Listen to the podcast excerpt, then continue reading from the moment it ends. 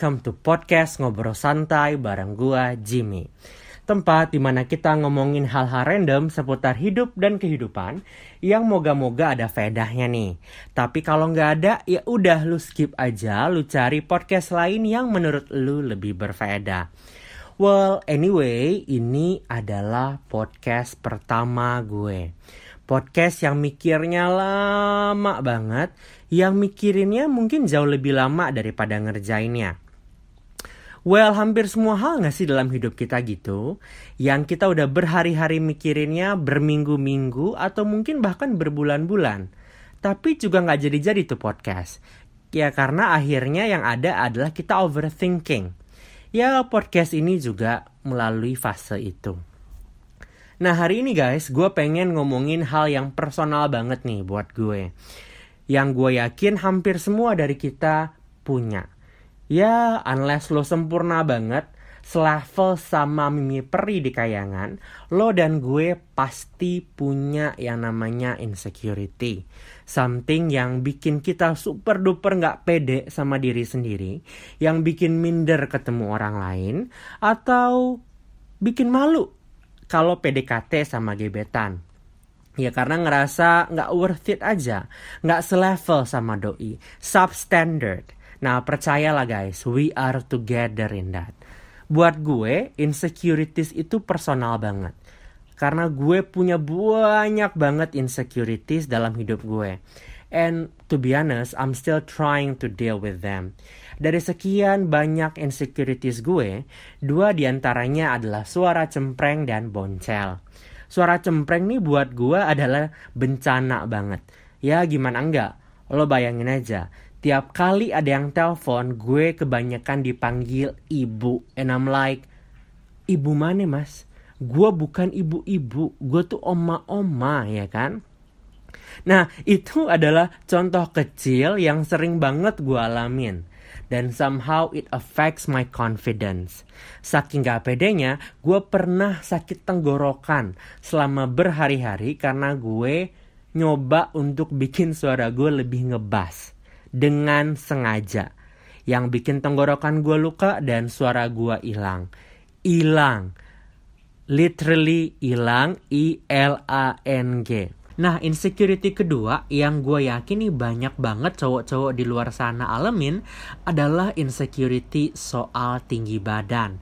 AKA pendek, AKA boncel, AKA cebol. Nah, cebol ini beda ya artinya sama orang-orang ekstra kaya di Korea sana. Nah, kecebolan sendiri adalah kondisi biologis di mana lu lebih pendek daripada temen-temen lu. Nah, pendek ini bisa banget bikin kita nggak percaya diri. Ya, kalau berantem sama anak basket sekolah misalnya, itu udah kayak Om Jin yang lagi berantem sama Pam-Pam. Dia Om Jinnya karena dia tinggi dan lu Pam-Pamnya karena lu cebol. Nah, Tinggi badan adalah salah satu insecurity yang bikin gue super duper gak percaya diri. Saking gak percaya dirinya, gue selalu bete kalau di foto di samping orang yang lebih tinggi daripada gue. If that happened, I would normally ask him or her untuk pindah. Atau gue yang pindah. Yep, sedrama queen itu, selebay itulah gue. Ya karena gue se-insecure itu. Nah selain itu gue juga biasanya dulu itu suka beli sol. Jadi sol tambahan sekitar 5-8 cm dan gue masukin ke sepatu gue. Ya for the sake of kelihatan tinggi aja.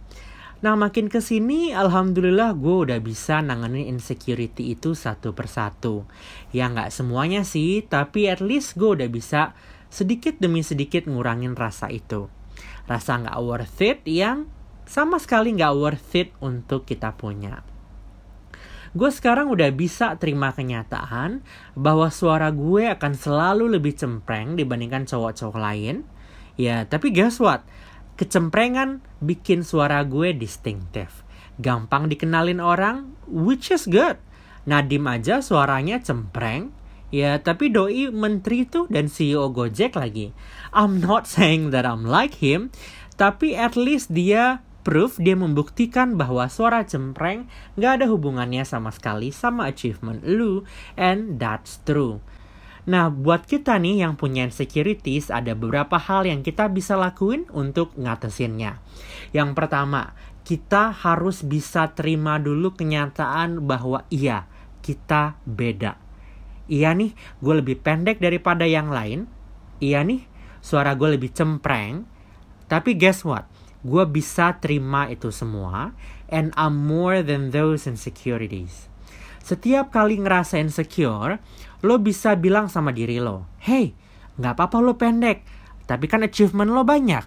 Jadi lo percaya diri aja. Atau, hey, nggak apa-apa lo punya banyak kekurangan A, B, C, D, E, F, G, tapi percayalah hidup lo itu beruntung banget. Sekarang lo masih sehat walafiat dan nggak kurang apa pun. Nah, ya pasti nih, uh, sebagian dari lo ada yang bilang, ya iyalah itu teori gampang banget. Tapi prakteknya susah cuy. Well, bener banget. Acceptance itu pasti butuh proses. And it's okay.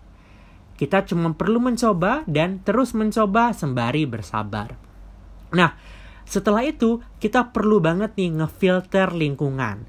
Jauhin teman-teman yang suka point out kekurangan-kekurangan kita, yang suka ngejatuhin orang lain demi dia terlihat oke. Okay we have to avoid those people. Karena orang-orang kayak begitu juga unfaedah banget nih gitu kan? Kita lebih baik temenan sama orang-orang yang positif dan juga konstruktif. Nah yang ketiga jangan jadi orang yang egois. The world is not about you kita harus belajar dengerin orang lain dengan kita sering dengerin orang kita bisa belajar banyak hal-hal baru tahu hal-hal baru dan somehow dengan kita lebih ngertiin orang, kita bakal lebih bisa terima keadaan kita dan lebih mengerti diri kita and it's it's very very important. Yang terakhir nih adalah jangan banyak bergantung sama orang lain.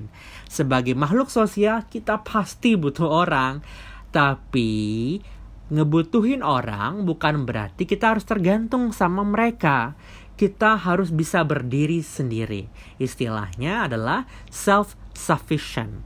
Dengan lo bisa mandiri, lo akan otomatis bisa lebih percaya diri.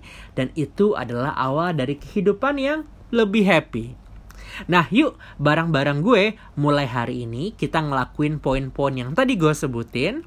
Uh, tapi ingat ya, gue bukan psychologist. Gue cuman share berdasarkan pengalaman-pengalaman gue sejauh ini.